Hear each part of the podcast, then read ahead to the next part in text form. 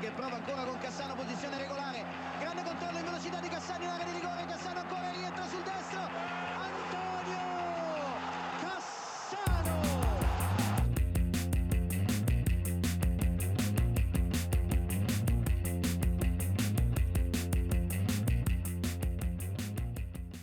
Já, hvað segir þá? Við erum hérna mætti með þáttinn Puntur og Basta í annað sinn nú eftir þessa fyrstu umferð í ítalska boltanum. Það er ég, Þorgeir Lóasson, Björn Már Ólafsson, Árni Þóru Randesson með ykkur. Ég þætti hvað það, við erum búin að liggja yfir leikjum helgarnar og sjúa í okkur andrúrslótti frá völlunum út um alla Ítalju og segir hann er svo sannarlega mætt aftur. Átni, verður velkomin hingað í stúdíu með mér. Já, takk fyrir það. Og Björn Már, sumulegist, þú ert á þínum stað í Danmörku. Það er alltaf gaman að vera með ykkur báðum. Þetta er uh, farið á stað og, og hérna, aldrei svín byrjun sem við fáum hérna í fyrstu umferð. Tvö sigumörkundi blá lokin og hver eru svona fyrstu viðbörðu frá Kaupenbjörn?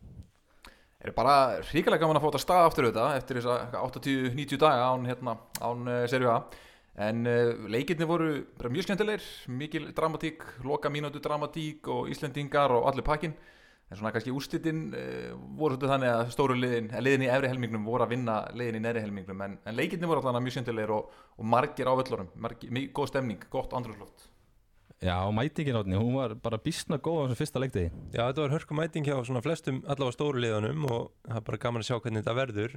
Eftir COVID þá hefur bara mætingin batnað til muna hjá ítölsku liðanum þannig að það verður gaman að sjá einmitt hvernig þetta verður í vetur. Já, held ég nú, en ég held að sé nú bara fyrst að gott að byrja bara á því að glukka eins í gasettinu góðu hérna sem að Ítalinn gerir nú á hverjum degi og, og það er nú margt og mikið sem að það er skrifa og menn eru ekkert að bóra í nefið. Uh, það sem stakk svona mig til þess að byrja með var að það er komið þarna bíf í Rómaborg milli Sarri og, og Mourinho. Svona þetta sálfræðstíðin völdin í, í Róm. Það var Sarri að tala um að sko Róma ætti nú uh, með það sem þeirra var styrt í sumar 100% að lenda í topp 2 og þá kom Mourinho út eftir, eftir það komment og sagði að hérna, ja, hann hafi nú bara 1-7 miljónum evra í, í leikmannakaup og það er nú hvað, þriða minnsta í deildinni. Þannig ef að þeir ætti að vera topp 2 þá ættu hinlegin öll að vera það líka. Þetta er svolítið svona skemmtilegt til að kickstarta þessu tímabili Já, bara þetta var, ég er nú eiginlega svolítið á sarri í málinu sko, af því að ég held að pressan er á Róma sko, þó að peningarnir voru ekki mikli sem þeir eittu í, í leikmenn, þeir fengur náttúrulega til bala frítt og hvað við njaldum á einhvers konar láni eða, Já. þannig að það eru kannski svona tve, tveir stærstu póstatinn sem þeir fengu og, og þetta eru menn sem hefur kannski kostað á 20, 30, jáfnveil 50 miljónir bara einmitt ef þeir var ekki renn út á samning eða Vinjaldum hefði ekki átt þetta skelvilega tímabil hjá PSG þarna í Já, fyrra. Já, þannig að ég skil alveg Sarri og það er ekkit öll liðin heldur sem eru búin að vera eitthvað að eyða miklum peningum. Við sjáum að Inder hefur ekki eitt miklum peningum uh, Juventus hefur ekkit eitt þannig sem miklum peningum.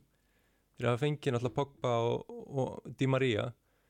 Þannig að ég veit ekki ég held að krafan í Rómi er bara Já, efstu allavega fjögur Jafnvel annarsæti Já, svo benti Mourinho einmitt á að Sarri þessar Lazio er búið að eigða held ég eitthvað 30 miljónum þannig að það var svona kannski það, það, það sem var enda skjóta eins tilbaka að það var auðvitað pressa á þeim líka en það sjá alltaf allir að það er miklu meiri pressa á Mourinho heldur heldur en Lazio sko og þótt að, þótt að Róma hafi eitt frekar litlu og, og þótt ég hafi meiri segjumst að lesa líka að launakostnarnar Róma sem minni heldur enn í fyrra ég hef þótt þessu komin með þessar stórstjörnur dead út þarna á, á bekknum sem að, sem að voru ekki að spila, standa sig Já, en þetta útspil hjá Mourinho að tala svona um eðsluna, þetta er algjör snild og ég held svona að þetta er hættulegu leiku fyrir Sarri að spila því að margir hafa nú tapað þessu sálfræðistriði á móti Mourinho. En svo var nú gasnendan einnig að fjalla um það að markaskorar Mílan í leik út í Nesi og, og Mílan hafi nú allir fagnað með einhverjum ákveðnum skilabóðum. Um, flest vísuðu þau nú bara í allt tali sem hafi átt sér stað á silly seasoninu í sumar og, og svona þeir var að svara fyrir á vellinum, það var svolítið svona skemmtilegt. Ég held að Theo Hernández hafi gefið merkjum það að fólk væri búið að tala mikið og Brahim Díaz var nú heldur betur að láta minna á sig að hann væri maðurinn í tíunu hjá, hjá AC Milan. Þannig að það er eitt og annað í þessu. Þegar hann var að segja, gefa merkjum að fólki var að tala var hann nokkuð að þakka nýri munnum eða? Er bara spjald. Nei, hann, var ekki, hann tók ekki kristal á þetta. Nei, það var ekki, ekki þannig en þess, ég, hérna ég mælu með að fólk hefur tíma endilega að kíkja í, í gassetuna og, og, hérna, og skoða hana. Það er nú ímislegt sem að er rætt og reyta þar. En eigum við ekki bara þá að vinda okkur í hérna, leikina sjálfa og, og byrja þá á Juventus og Sassuolo leiknum sem að lokaði umferðinni í gær.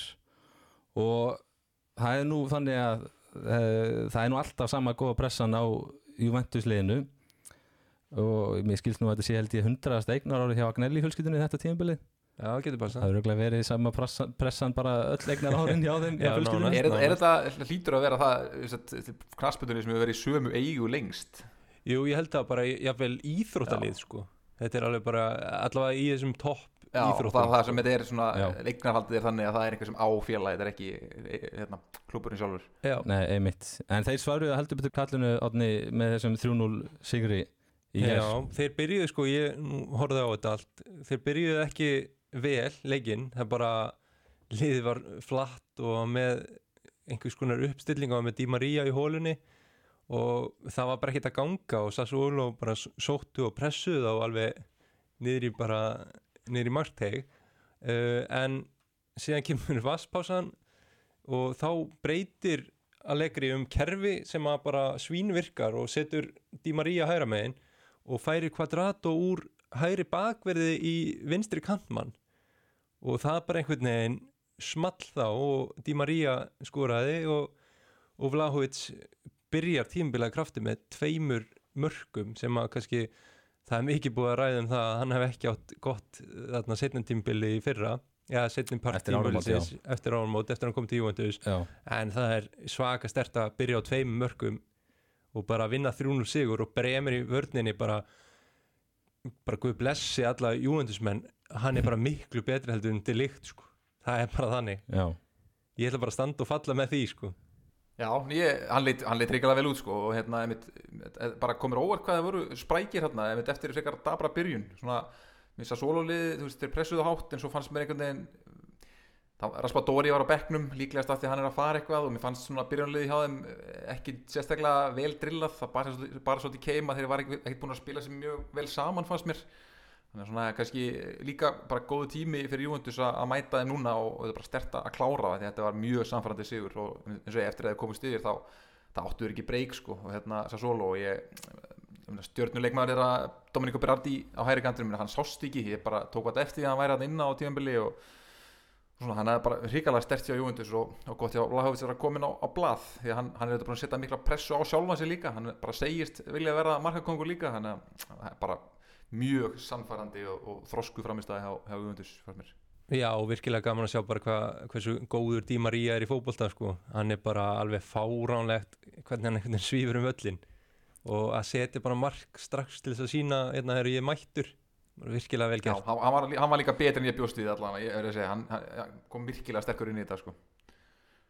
já, hann smellur einhvern veginn frábælega inn í þetta en því að fannst miðjan hjá Juventus átni, þú hefði svona einhverja smá að henni svona sérstaklega í byrjunleiks Já, mér fannst Zakaria og, og Locatelli kannski aðeins já og Vestum McKenny líka.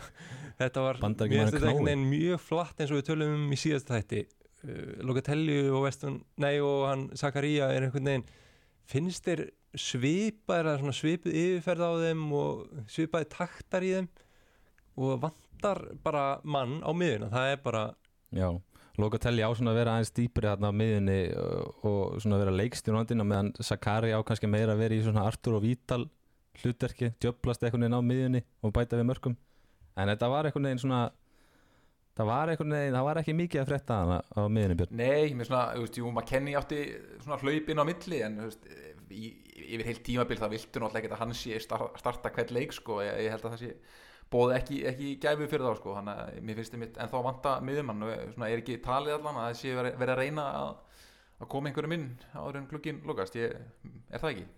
jú, var ekki Paradis Jú, Leandro Paredes, já, PSG, já, það svo verður náttúrulega mjög áhvert að sjá hvernig Pogba kemur inn í þetta, kannski smellur þetta með því.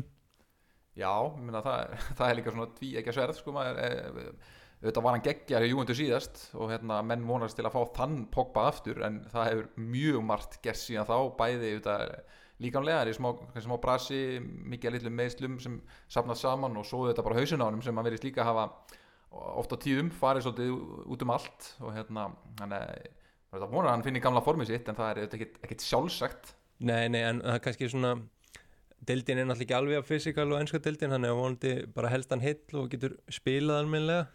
Það, Mhm. það kemur í ljós en, en einmitt, þetta Sassuolo lið leit ekkit sérstaklega út og að starta þarna Defreal frammi var bara einhvern veginn Mér fannst það svolítið vonlust hann er svolítið svona sprungin mér varst áhugavert að Pina Monti startaði ekki eða kannski að því hann er bara svona nýkomið til klúpsins Já, líklegast eitthvað svolítið sem hann, hann, hann átti ekki breyk til frela á móti Bremer og Bonucci hérna sko, það, honum var að pakka saman hann ég meina þetta Sassuolo lið í fyrra þegar náða, náða að stríða mikið af þessum stóru liðum Björn.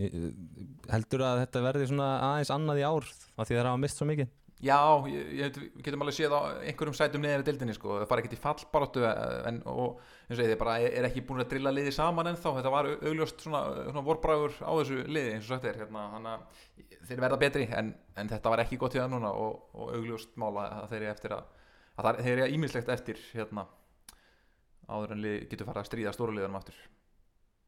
Hinleikur getna sinns það var Hellas Verona á móti Napoli þar sem brotnir Verona menn mættu til leiks og þeir eitthvað neginn þetta er enn eitt árað sem þeir missa alla sína hesta uh, fyrir tímabil og verður hérna eitthvað neginn, þetta verður bara eitthvað búta sem steppi hjá þeim og meðan uh, í hinnuleginu var það Napoli þar sem að um, já, kannski fyrir það sem vorum að efast, þú veist, má segja að þeir hafi svona svarað þessum röttum eða hvað hva gerði þetta fyrir Napoli? Já, svona, ég held að þetta hafi bara fýtt tótn að byrja mótið svona 5-2 sigur gegn Hellas Verona og útivelli, það er bara svona þetta er svona skildu sigur ef að liða ætla sér í meistaradeildina en, en bara einmitt þetta tal um að uh, hópurinn sé ekki alveg nóg góður, það kannski þeir, já, svöruðu því bara ágætlega og uh, svona breyttin kom þar inn einhvern veginn og, og margir sem skoruðu, Ósi menn var góður og tölum nú kannski um nýjastu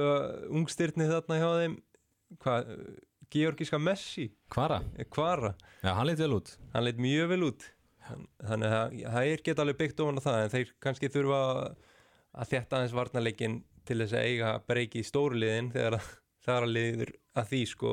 Já, þetta var mjög samfærandi sigur og eh, vonlaust Verónalið líka. Þeir töpuðu í byggarnum í síðustu viku 4-0 gegn Bari sem er líka í eigu fósetta Napoli hann er bara að tapa núna samtals hvað, 9-2 eitthvað fyrir, fyrir uh, Di Laurentiis í, á einni viku.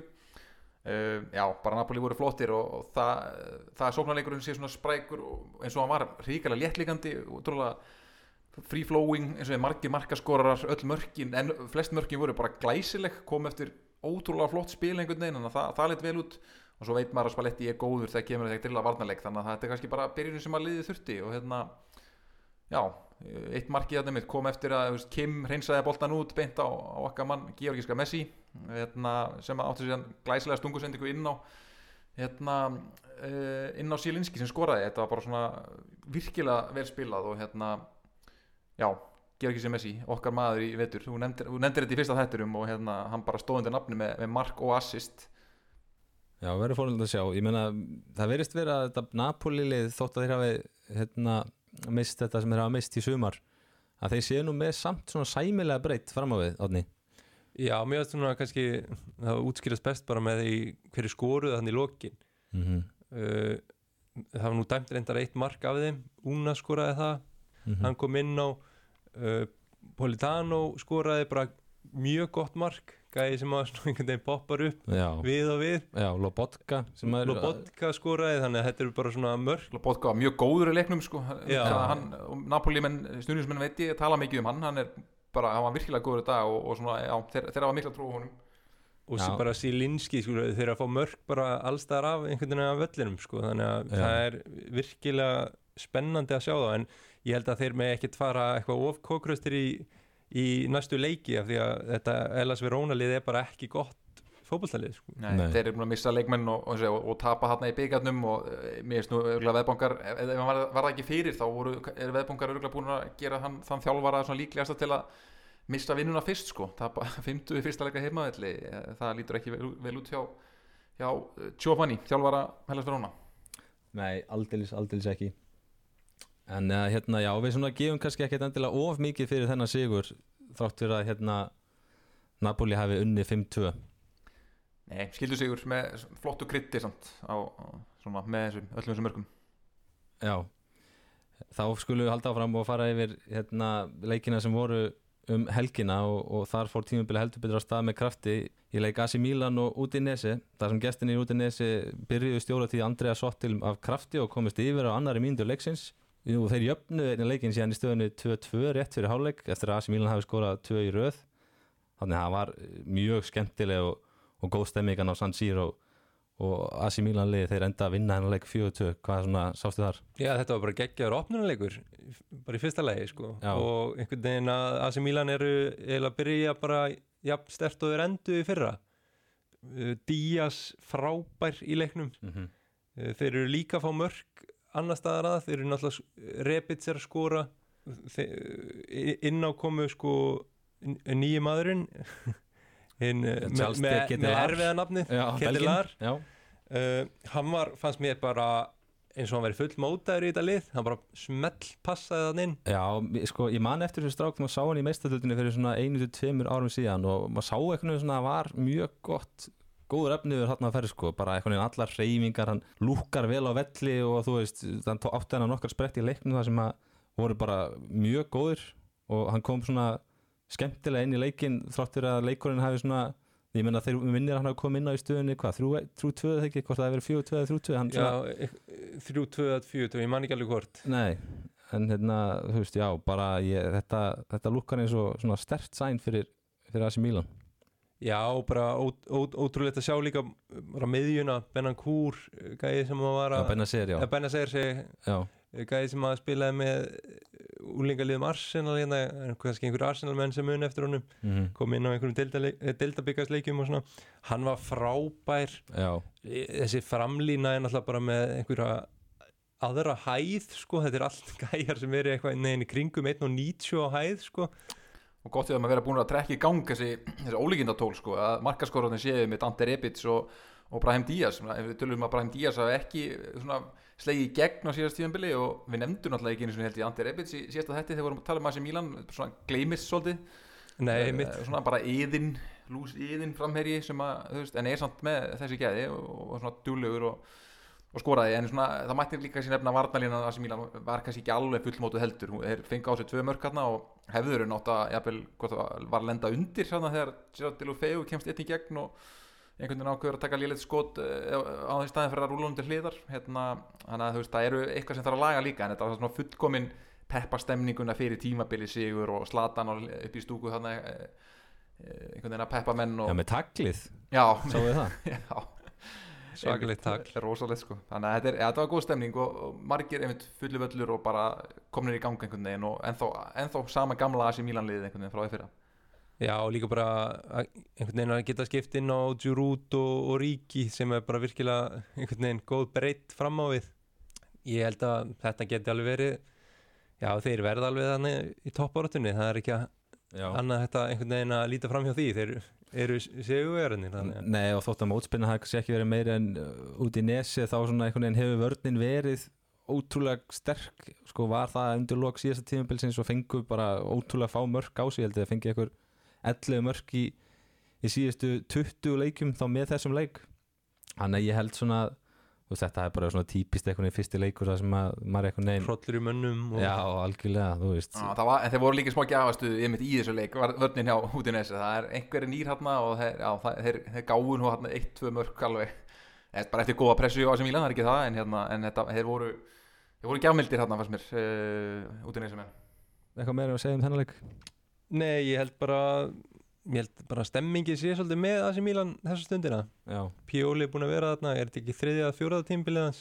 Jú, og hann er bara búin að búa til ágætt slið líka ágætið skæðastimpill á eh, hve- hvernig er eins og þjálfari að þegar, hérna, þegar Slatan kom til liðsins og þannig í, í janúar mánuðinum örlaga mikla þegar Pjóli var búin að vera með liðið í einhverja mánuði og þá var- mikið talað um það hvort að Ralf Rannik var nú ekki maður til að taka við AC Milan og eitthvað svona og en Slatan einhvern veginn sem var þarna nýmættur til AC Milan hann sagði bara nei, Pjóli er bara flottu þjálfari. Og einhvern veginn sá strax þótt hann hafi verið mættur í lið sem var að underperforma þá sá hann strax að þú veist þjálfarin svona eh, já, hafði eitthvað til þessi mál sko, vissi alveg hvað hann var að gera og svo náði til manna. Þannig að þetta er, þetta er, það má líka alveg Slatan vil þurfa að gera það sjálfur en það má líka alveg gefa Slatan er svolítið það rós að hafa peppað þjálfaran frá byrjun og einhvern veginn, já, þeir verðast ná mjög vel saman og, og þetta, það hefur reynst mjög vel fyrir AC Milan. Þetta gefið þeim hennan titil hérna á síðast ári.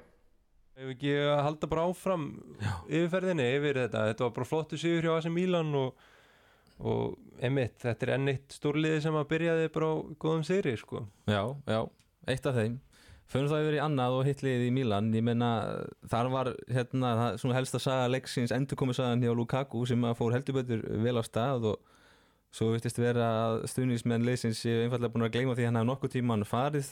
Það var náttúrulega sumið sem að hvað gretu og aðrir voru með skilti á vellinum sem sagðu bara velkomin tilbaka og þetta var svona jákvæð stemmingarna fyrir leik og hann greinilega bara fann fyrir þeim krafti og, og skoraði þarna bara alveg í byrjunleiks eitt af, hérna, eitt af þessum leikjum sem að, að kom mark snemma. Um, þetta var þetta var svona áhugaveru leikur í marga staði. Ég menna hérna Uh, Letsilið sko uppleggi hjá Letsiliðinu í leiknu var kannski fínt áttur að fengið hann skella það í byrjun. Og svona eftir svona 30, rúmar 30 mínutunum þá svona veginn fóru þeir betur að fóta sig og, og, og skoruðu þarna bara gott, gott mark. Það var veginn, ég veit ekki okkur ég hafði veginn enga trú að hérna, þeim framherja sem að spilaði þarna frammi hjá Letsilið að hann myndi skora en hann svona náði að koma þarna boltan við línuna og, og þeir jöfnuðu leikinn Já, ég verði ver að nefna minna framherja ég, hérna, ég, satt, sá að þið kiftar hann í sumar. Hann er veist, 26 ára gamall kemur úr svisnesku deildinni og svona fannst ég kannast þið nafnið og kom síðan að því að ég fór á leik með FC Zurich í apríl eða eitthvað og hérna darbislaga móti hérna Young Boys og þá skoraði þessi gæi bæði mörkin. Þeir unnu hann á 2-0 þannig ég hef, þá fatt að ég hef náttúrulega gólað eftirnafni þannig að þegar vallathulurinn öskra fornafni þá stóð maður að gólað eftirnafni að hann, hann var já, hrikalega flott marki ár, mjög vel tekið og bara Já, já þetta er svolítið eftirminnlegt nafn sko, þetta er ekki, hann heitir sko kallaður, eða þess að heitir Cissei en þetta er ekki, þú veist, eins og Sissi sem var hjá Liverpool sko, þetta er hérna svona eitthvað neginn, svona aðeins aðeins pöngara sko, ég, Cissei ég, ég öskraði bara cheesy þegar ég var á þessi Cheesy. allavega. Cissei, já, nákvæmlega. Gambíu maður er það ekki? Gambi maður er einn af þeim, þeir eru nú þó nokkur í deildinni og hérna, það er bara gott að bæta einu þannig við, hvað svona Björn, hvað varst þér um þetta lettsili? Já, bara eins og segja, vel upplagðu leikur þeir voru hálfa einni, einu fyrstu leikadriði upp á það tíma frá því að ná stíði hérna á heimavelli á tróðfullum Vía del Mare búið að selja 20 eitthvað þúsund uh, sko, ásmiða, mikið stemning og hérna ekki með dýrtlið er ekki með mikla peninga og er að hafa verið að sækja eins og þennan uh, Cheesy Mhm. frá hérna svisnesku deldinni, þeir seldu aðal markaskorara sinn eh, sem kom þeim upp í fyrra, aftur nýr í B-deldina hann núna með lífsfélagi Albers Guðmundssonar hann er bara þú veist, lofar ágætu sko. Þetta var, eins og segi, hefði mátt, mátt stela stíinu um, en já, Þórir Jóhann kom náðu inn á nefnum það síðan aðeins, aðeins á eftir en svo eh, eru þetta frábær miðjumar hann Morten Júlmand sem að er leikstundandinn hjá Letsi, djúpur á miðjunni. Hann hérna svona var fýtt hana gegn Inter en er held svona eh, kannski sá sem mest, mestar vonir eru bundnar við hjá þessu ledsiliði og hann var einmitt orðaður við Inter núna í sumar sem varamæður fyrir Brozovic þá áður en þið tóku Aslani í staðinn. Já, já þetta var eitthvað eins, og maður hérna, sé, hefur séð eitthvað eins og ótrúlega oft eitthvað þegar nýlegar eru að mæta í fyrsta leika móti stærra liði sko, það er bara, þú veist, þeir gera eitthvað rétt og eitthvað ná svona sínum kapla í leiknum en svo bara undir lokleiknins þá bara sógast boltin inn í marki hjá þeim og á síðustu augnablíkunum og, og bara svona eitthvað neginn, það var svolítið svona það sem að maður vissi að myndi gerast þannig þrátt fyrir að þeir áttu áttu sæmilega förmurrein hann þetta er náttúrulega í tíunda skipt sem þeir koma upp letsimenn, þeir, ég held að aðeins tölið komið oftar upp Atalanta og, og hérna það er ekki alveg með, Atalanta allan hefur komið held í 11 sinum upp og þeir eru 10 sinum komið upp, ég minna Odni, hvað, Nei, ég held einhvern veginn þegar þessi leikur byrjaði þá hugsaði bara, já, já, nú bara skora einn er einhver sex mörg, sko, þetta bara verið búið strax, sko, að að þetta byrjaði svo svakalega stert, sko. En já, um eitt, það er bara lögður leikin vel upp og einhvern veginn letu þetta mark ekkert á sig fá, sko, heldur bara áfram planinu og síðan kemur bara Denselin og Bjargar þrejum punktum fyrir Inter og þeir eru bara jafnmörg stig og öll efstu liðin, þannig að mm -hmm. ég held að get, eina sem að Inter á að taka úr þessum leik bara við sóttum þessi þrjústuð þau eru komin í bókan og höldum áfram. Já, Inzaghi átti nú eitthvað kommentan eftir leik. Já, og það, hann, var- nú eitthvað farin að benda á einmitt með kaup þarna leikmannamálin og, Já, og, og það einhvern veginn að þeir þurftu að fara að gefa þessi í þar. Já, en ég veit ekki hvað gerist Þeir, hafa- þeir hafa ekki verið að eyða miklum peningum þú veist að hafa einhverju verið komið inn en, en eru bara ennþá í, í einhverju barslikri en að fjárhagslega. Þannig að hann er að reyna að setja pressu á eigundurna að fá, fá, fá fleiri leikmenn. Já Svona réttindu lokin, það var eiginlega að minnast á það. Mér fannst sko hafsendin þarna hjá hérna, Letsi alveg frábær típa sko. Hann var sko hérna girtur. Sjálf, sko, sjálf sé maður sjá girtan fótballtamann í dag. Já, Ég var eitthvað að reyna að hugsa þetta sko Kieran Tierney kom veginn fyrstur upp í huga sko Var það þessi svona- Tyrkin Nei, hann var hérna ítalinn við hliðin á honum hérna, hvað hann aftur? Basi, Baskirotto eða eitthvað svo já. Og hérna hann var geggja sko, hann var hérna hann alltaf átti sökinn að markinu bara eftir tvær mínútur, hann var svona einhvern veginn yfir peppar hann fyrir leik.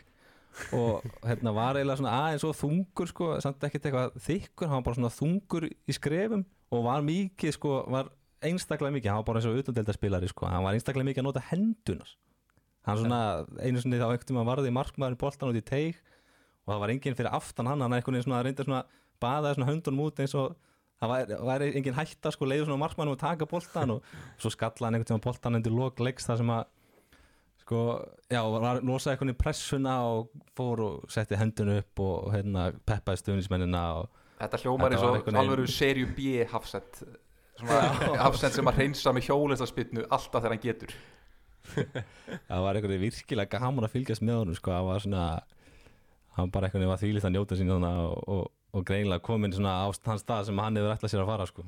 hann myndi mig smá svona í útliti sko, ég veit ekki alveg, hann myndi mig alltaf mjög mikið á eitthvað svona breskan nærdeldar hafsend sko, eða utandeldar spilara, en hann myndi mig líka á hérna Nikola hérna Regrott Agli sem var í Juventus ég er ekki hérna fyrir svo mörgum ánum síðan kannski svona 10, Já, já, já. 10-12 ánum síðan, minn eftir honum. Já mér áma nú í hann já. Já, það er svona einhvern veginn svipu típa sko. En loka tölur í þessum leik þá 2-1 og, og hérna, grátlegt fyrir Lecce að hérna, lenda í þessu eða fá þetta mark í andlandi um, Þá er það næsta leikur. Það var kannski flestir sem byggði eftir honum með eftirvendingu það sem að hérna, og byggust við kannski einhverju síningu í Salerno. Það var þegar Róma mætti með sitt lið, sitt nýja lið þangað.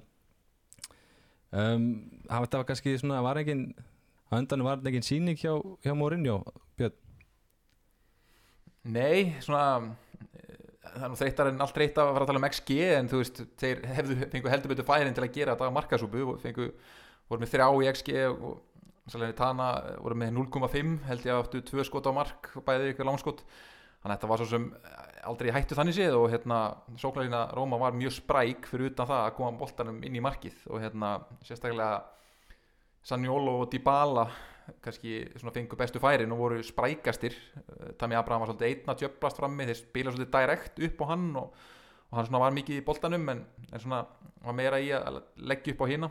Og hérna, það voru svolítið djúft með liðið sitt fannst mér. Já, hann er þetta þessi, eins og ég var svona svolítið að spá fyrir tímabili hann vill svolítið þétta vörnina bara og leifa þessum fremstu þremur að að, að keira hratt á anstæðingin og hérna þeir náðu síðan inn marki hérna frá mjög óvendum leikmanni. Hann áttu, það var ekki margir sem spáði því að það myndi byrja leikin Brian Cristante. Uh, hann byrjaði og skoraði hérna með skoti með vinstri fyrir teig og hérna svona algjörð hefnismark reyndar. Um, síðan bara komuður ekki öðru markinu inn og, og þeir sildu þessu bara heim með, með varnarleik uh, Sannlega Tana voru með talsvöndið boltan í setni hálfleik en, en komist ekkit áleiðis og þetta var svolítið eins og eins og undir lók síðasta tíðanbils maður, maður leið aldrei eins og Salernitana væri nálægt í að fá færi. Oftast þegar maður er hóft á Róma síðustu ár þá veit maður alltaf að anstæðingurinn á síðustu tíu mínutunum ef að Róma kemst yfir þá munu þeir fá svona fimm döðafæri í, á síðustu tíu mínutunum en núna bara það þeir, þeir voru ekki nálægt í og hérna en, en heldur boltanum ágætlega og Mourinho hafði líka orða því að það voru tveir nýju leikmenn eða þrýr í byrjunulegi Salernitana sem komu bara í vikunni þannig að þeir vissu ekkit nákvæmlega hverju þau voru að fara að mæta það var svo erfitt að leggja leikinu upp þannig en hérna en enni, Mourinho var líka bara sáttur eftir leik hann segist að bara verið mjög sáttur með að hafa náða að vinna leik þar sem að boltinn vildi ekki fara inn bara vinna bara með varnar framistöðu það var líka bara alveg nóg gott fyrir Mourinho Já, einmitt, ég held að hann þarna Kristante á miðjunni hann Mourinho tala mjög vel um hann sko, hefur gert það bara síðan hann mætti og segir þetta sé frábær leikmaður og fjölhæfur leikmaður sko. Já, og, og hann, einhvern veginn, hann geti alveg verið með lið með 11 Kristanteum sko, segir hann. Já, Já. og, og einmitt, margir heldur bara þessi nýju kaupmynd einhvern veginn ganga fyrir en, en svo er þetta kannski líka bara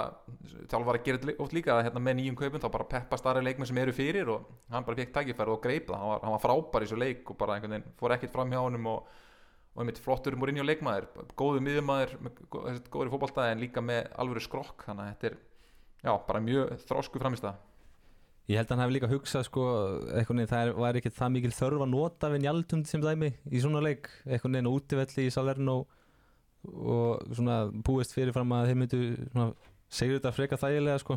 Já, þeir eru náttúrulega mikla möguleika á miðjunni sko, þeir geta náttúrulega þeir spiluðu Pellegrini og Kristante á miðjunni um helgina eh, en þeir eru með Matits og Vinjaldum á bekknum þannig að þeir geta sko sett Matitsinn fyrir fyrir uh, segjum bara segjum að Sanjólo sé orðin þreyttur og fært Pellegrini ofar á völlin Mhm. eða Dybala orðin þreyttur og fært hann völl- eh, svolítið sem hann gerði já Já, þannig að Einmitt. ég ég held að svona, það er alveg miklu möguleikur á miðjunni þannig að ég veit ekki alveg hvort hann þurfi þennan miðjumann sem að þið töluðu kannski um Nei, í síðasta þætti sko. Nei, ég mitt, það, það hefur kóluna svolítið það, það rúmor sko og svo líka, svo gerði hann líka mjög varna sína skiptingar í leiknum og, og ég horfði á, á, hérna, horfði á leikin með einum uh, United manni sem að uh, kann Mourinho líka ágætlega og hann sagði einmitt að þarna væri hann að senda skilabóð hann vildi fá uh, meiri breytti í sóknarlínuna, hann vildi fá þetta Belotti.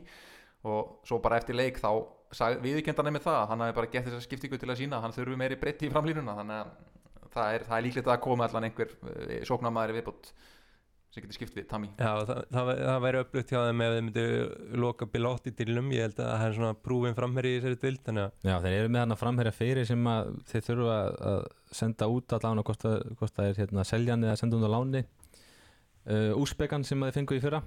Einmitt, og já. hérna og það er svona að tala um það þegar þeir gera það og það lítur út fyrir að, hérna, sá leikmaður farið til Bologna eða Fraklands og, og þá komið svona Belotti í línuna. En þetta er einmitt líka sko um, Mourinho svona, það sem hann gerði í sumar var einmitt að, að gera, veist, hann, hann jók breyttina talsvert og fekk eitthvað svona tvo leikmenn. Það sem hann vantaði tvo leikmenn í stöður sko, hann fekk þá í þær stöðun svo hægri bakurinn. Og núna vantar rauninni bara framherja til þess að svona að hann segi, hann er alltaf að tala um svona sitt lið, að hann svona sé komið með sitt lið í ár. Algjörlega. Og Van, Van Aldum kom líka inn á en maður sá að hann var ekkit, kannski ekki alveg í leikformi, og heldur einhvern veginn ekkit alveg komin inn í leikkerfi þá með svona pínu já, það er svona ekkit lélugur en svona smalt kannski ekki alveg inn í þetta en hérna, það er það er nægur tími til að koma honum inn í, inn í liðið. Já, og síðan er bara vinstri kanturinn hjá Rómaliðinu bara virkilega öflugur með Sanjólo og Spinazzola í, í bakverði. Já, bara því líka sprengikraftur þar sko, sérstaklega hjá Sanjólo sem er búin að hvað, slíta crossband tvísvar á ferlinum og já, samt einhvern veginn getur hann keirt bara á menn og lappa fram hjá þeim sko. hann Já, átti rosalega sprett þarna upp allan völlin og lagði upp hann á Dybala sem var hospitál því að skora það hefði verið bara einmitt Já, kandidat bara í, í mark ásinn sko, strax í fyrstu umferð sko, þannig að þetta var, hann, hann var mjög sprækur. Og svo er þetta líka með Nikola Salevski, Pólvera Nunga sem að var, sló í gegn á síðast tíðanbili og, og svona muni örgulega bara keppa svolítið um uh, vinstri bakverðastöðuna við Spinazzola Mhm. gríðalega góður sóknarlega og hérna, komin þetta ekkert inn á núna en hann getur líka jafnvel spilað eitthvað aðeins fr- framar, framar vellinu líka. Þannig að þeir eru alveg með, með breytt þarna vinstra megin og mikil hægt að það alltaf. Já Spinazzola leit vel út. Hann var mikið frá í fyrra og, og einhvern veginn svona á kabla í leiknum. Þegar aðrir voru orðið þreyttir þarna í setni áleik þá einhvern veginn átti hann bara svona 10-15 mínútur þar sem hann bara leik á alls otti sko. Einmitt, og hérna greinlega hann er komin bara svona í sitt svona fyrra form sko. Já, Já, mér finnst einhvern veginn eh, líka bara lýsa stemmingunni í Róm að eftir leik þá keifti bara Mourinho 60 pítsur og alla í liðinu og alla starfsmenn. Og það átti að fagna þess almennlega sko. það er ekki tomatsósu bann þarna sko. Nei, ég held líka að hann hefði ekki leikmunni frí í dag. Ég held að hann hefði búin að sjá hérna einhverja myndir af Dybala og einhverju snekju hérna að stinga sér til sunds. Þannig að það er, sýnist að það hafi verið frí hjá þeim eftir leik. Þannig að það er, það er uh, lífi leikur við menn hann í Rómaborg. Já, við láta þetta gott heita af Rómaleiknum og fá núna að heyra hljóput úr öðrum leikjum helgarnar undir ljúfum ítölskum tónum. Lasciatemi cantare con la chitarra in mano, lasciatemi cantare. Sono un italiano. Monza making their Serie A debut. E un partigiano come A Presti. little bit of a mess. It might fall to Ricci, and it loops into the back of the net from Antonio Sanabria. And perhaps it is the goal that kills off any ambition Monza had of winning their opening match in Serie A. manifesti con le canzoni, con amore, con il cuore, con Let's wait just a second. This debut for Maximiano could prove to be a nightmare debut. He's been sent off for handling outside the box. Luis Maximiano, his Serie A debut lasting a little over five minutes. lasciatemi cantare. Quagliarella dinks the crossbar. Everyone inside the area. Matraga has spawned in. And it's over the line. Fiorentina have scored. It's a nightmare for Radu. It's the light for Fiorentina. In the fifth minute of added on time. Un italiano vero. Nú um að vera hérna í öðrum leikjum þessa helgina og, og kannski byrjum bara aðeins á bíónu sem að átti sér stað hérna í Flórens í Fiorentina Cremonese þar sem að Fiorentina vann 3-2 sigur og Cremonese hengur svolítið í Fiorentina liðinu sem að mér finnst eitthvað neginn bara líta fárálega vel út og þeir hafa eitthvað neginn sko leikmenn í öllum stöðum sko. Já, bara reykir að sterti á Íluka Jóvits komin á blað meðan hann, hann var flottur inn í teig. Hann ekki góður í uppspilun einhvern veginn en um leiðan hann var komin inn í teig þá sá maður slútin hjá honum þá, þá myndi maður hvað hann hefur verið. Og hérna bara sterkur sigur á Fiorentina sem voru líka svolítið að rótera munnum þeir eru þetta Evrópuleik núna í, í vikunni sem þeir þurfa náttúrulega að vinna til að komast í Evrópukeppnu og fá pening þannig að hann var svolítið að rótera liðinu. Eða mótið 20 og svo þetta fá þeir þess að hann gjafapakka hérna í, uppbót á tíma frá, frá Jónút Radu markverði Cremonese. Já, sem var svona kannski saga leiksins að markmennu voru báður í smá vesinni. Golini fekk hann að marka á sig úr hotni og svo ræðist leikurinn að bara nánast með loka spynnið á fyrirgjöf hjá uh, títnefndu Mandragora sem við tölum um í síðasta þætti. Já, kom sterkur inn í þetta fjörinlið Já, svo var Radu sem að fór út ætlaði að grípa boltan og einhvern veginn missir hann inn. Hann, eins og menn segir í Svíþjóð, hann fór, upp, fór og hengdi upp þvottin og hérna misti boltan í markið. Greiði strákunin sko, hann bara, hérna, þetta er ekki, þetta er ekki hans ár. Nei, markvæðin sem klúraði titlinum fyrir, fyrir Inter hana í, á, í lók síðast tíðanbils þannig að þetta er, voru mann komið sterkur tilbaka. Nú, svo eru aðri sem að byggja eftir því að Monsa myndi hérna, hefja leik Berlusconi og hans menn. Já, það var svolítið svona einhvern veginn sorgli byrjun, bara tapa fyrir Torino sem er nú ekki með það stert lið, hvað var ekki á Jú, jú. Þannig að ég held að Berlusconi hafi látið menn heyra það eftir leik sko. Það var engin pizza, var pizzavisla sko.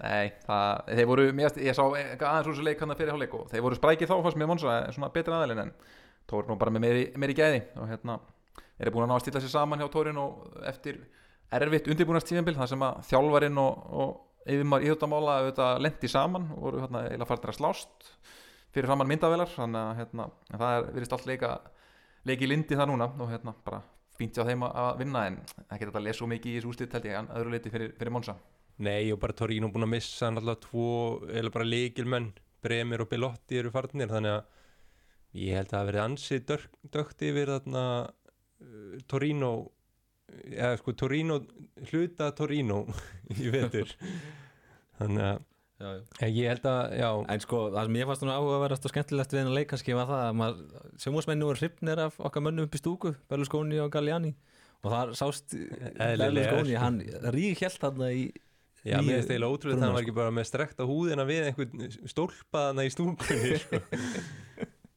Ég hlakka til að sjá þegar þið skora sko. Ég vil sjá hvernig hann fagna sko. Það var, maður fekk ekki að sjá hann fagna þannig í stúkunni fyrir mér Í þessum leik Nei, einmitt, það var hann marka rétt undir lokin hann sem að veginn, það var svona algjörst anti-climax hjá þeim, fyrsta marki kom hann undir lokin og, og þeir voru búin að tapa leiknum hvort sem er en mér langar aðeins að spyrja ykkur reyndar eitt sko, varandi Monsa, hver eru líkunar að veist, þetta feili gjörsamlega? það er náttúrulega alltaf líkur á því sko, en ég held að ég held einhvern veginn að þegar þú ert með þessa tvo skarfa upp í stúku þá einhvern veginn nærðu bara ekki að feila sko. ég, myndi ég halda og ég held að það séu nokkur lið þarna sem eru bara tölvert lélegri lið en þeir þannig að ég held að þeir haldi sér í deildinu og ég veit ekki alveg hvað hvaða markmið þeirra er það skiptir svo sem ekki máli hvort þeir endi í 16. 17. sæti eða 10. sæti fyrir þá þannig að ég held að nummer 1 og 3 þau þurfa bara að halda sér í deildinu og ég held að það takist Já, ég held ég þeir eru með næga peninga líka. Ég held að það sé bara ekki að spurningu það. Þannig að þeir, þeir bara eh, ná örgulega að halda sér í deildin held ég og, og svona sigli líknarsjó og, og, og byggja bara von á það á komandi árum. Ég er svona með gruna það. Eh, Svo var, hérna, átnið, þeir nokkað að minnast aðeins á að Spezia var Nempoli. Það var, það var þér Það var huglægt sterkur sigur hjá Spezia það sem að Mikael Egil kom inn á í lokin þannig að það það var bara gaman að fá Íslandinga inn á.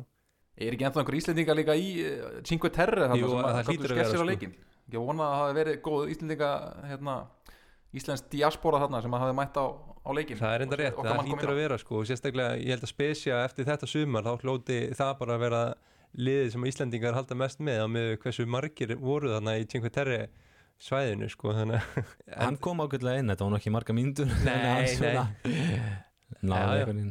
Hann kom, hann kom sterkur inn og skilu það er náttúrulega búið að leggja einmitt eina miljón evra í hann þannig að hann hlýtur að spila eitthvað. Já, Ég veit að, þú veist, fáa mínútur alltaf en ég meina hann kom líka inn á leik þar sem þeir voru undir og, nei, voru yfir Já. og þurftu að halda þetta var ekki, þetta var ekki þegar þeir voru 5 og undir eða 5 en og síðan liður sko. þarna af því að ég var nú að mæla með að fólk myndi horfa á Sampdoria í vetur uh, þeir byrjuði nú ekki vel í Genoa þar sem þeir töpuðu fyrir Atalanta 2-0 uh, þar sem við voru reynda rændir marki það var t- eitthvað algjört var bíó í þarna byrjunleiks þar sem að mark af Caputo var tekið af og Toloi og, og nýjumæður Lúkmann kláruðu leikinn. Já.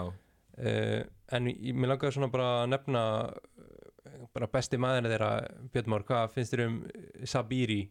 Er hann ekki bara eini gæði sem að getur haldið þessu liði uppi eða? Jú, mér sýnist hann vera eini spennandi leikmaður í þessu liði, já, eins og staðan er núna svona, sem, sem með eitthvað mikið uppsætt uh, hann þetta var mér svo orðaður við sko önnu lið, uh, sterkari lið núna í sumar bara eftir framistöður undimórstímulun, hann skoraði markaðan frá eigin vallarhelmingi bara í síðasta æfingarleik fyrir, fyrir mót þarna, hann, hann, hann lítur hrikalega vel út sko og hérna, en ég, þeir verða nú að halda honum, ég get ekki selt hann líka þá, þá verða nú að vera ansið þund hann að hjá þeim sko.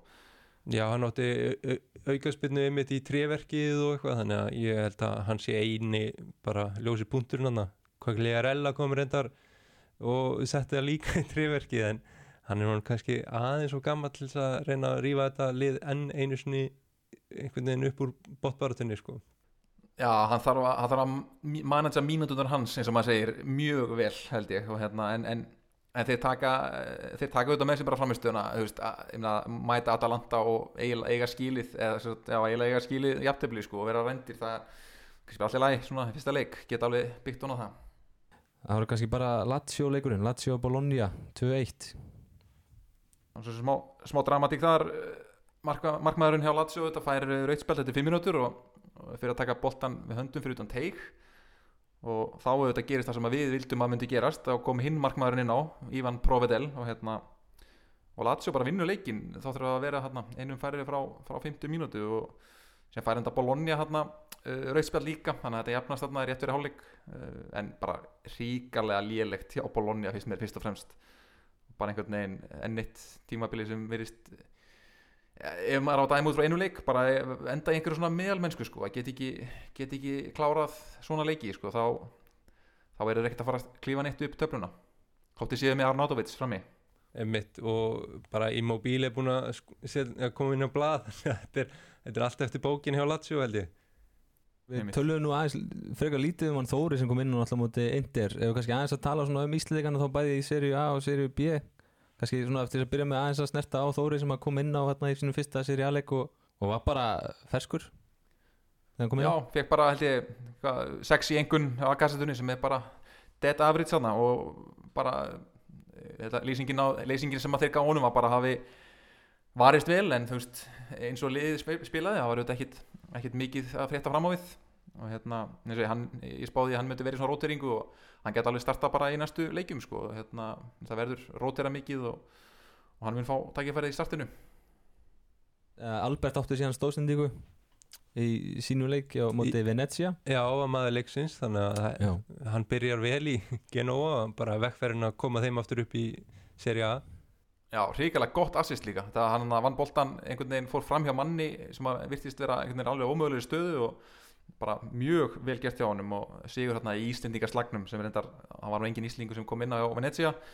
Hérna, Hilmir Mikaelsson var á bekknum allan leikinn uh, og, hérna, og Bjarki Steinn var mittur þannig að hann var ekki í hóp hérna, en bara, já, vel gert hjá Alberti og þetta lítur mjög vel út svona í fyrsta leik. Já Hjörtur Hermann saman síðan fyrir, fyrir því Ólóni að skora sjálfsmark í, í stóru eða í, fengi á þessu fjögur mörg líka. Já, þetta var ekki greinlega góðu leiku hjá Hirti sko að, að skora sjálfsmark og fá þessi fjögur mörk í leiknum. Einmitt, töpuðu fjögur þrjú fyrir Cittadella sem að held minnir að hafa verið í topparatu í fyrra þannig að þetta svona líklegast verið allan að þannig ekki gegn einhverju botliði en, en þetta bara leiðilegt fyrir Písa að, hérna, að, að byrja á tapi. Ég veit svo sem ekki alveg hvernig mæntingarnir eru hjá Písa þeir voru, voru í topparatu í fyrra og Hásbreyt var því að koma upp en, en ég hef ekki alveg svona að skoða hvernig hvað, hvað markmið eh, hvernig markmiðasetning þeirra er fyrir, fyrir komandi tímabil. Þá er svona kannski þessi, þessari yfirferð á, á fyrstu umferð í seri A loki og kannski rennum maður sína yfir leikina næstu helgi þar sem að Torino og Lazio mætast á lögudeginum og Udinese mætir Salernitana Eindir mætir Spezia og Sassuolo og Lecce. Og nú á sunnudeginum eru það síðan Empoli, Fiorentina, Napoli, Monza Atalanta, AC Milan sem að er náttúrulega bara gannaslagur og verður fórlegu leikur og Bologna og Verona. Svo er það á mánudeginum það er Roma, Cremonese og Sampdoria Juventus, Björn, hvað er svona að verða augum þín um næstu helgi? Með klálega á Atalanta AC Milan stórleikur umferðinar og, og bara spennandi leikur. Við veitum ekki alveg hversu stert þetta Atalanta lið er og, og nú fær svona AC Milan loksins alvöru lið að, mæra sig á móti. Hérna, þannig að það verður, maður mér fylgjast með honum og en svo svona fyrir okkur íslendingar líka þá Sassuolo og Lecce eh, spennandi leikur, ég vonum að Þorri og hann fá að spila meira þar og, og við sáum hvað Sassuolo liði var kannski alveg tilbúið núna en þetta er kannski góðu tími fyrir Lecce til til að sækja sín fyrstu stig á, á tíðanbylunu Já, við fengum ekkert jafntefli í þessari fyrstu umferð átni, hvað hérna verður það ekki bara áframhaldi í næstu umferð og það verður bara skemmtilega leikir? Jú, ég held að þetta verður bara mjög spennandi og ég er náttúrulega ætla að fylgjast með Sampdoria og Juventus og, og síðan er bara vonandi einmitt fær Mikael Egil sensin gegn Inter. Það kemur ljós. Já, við verðum aftur hérna á sama tíma í næstu viku. Minnum á leikir umferðin að vera síndir í beinni á stöðu sport 2 og 3 og þar eru allir leikir síndir þannig hérna bara njóti góðs að því og við heyrum síðar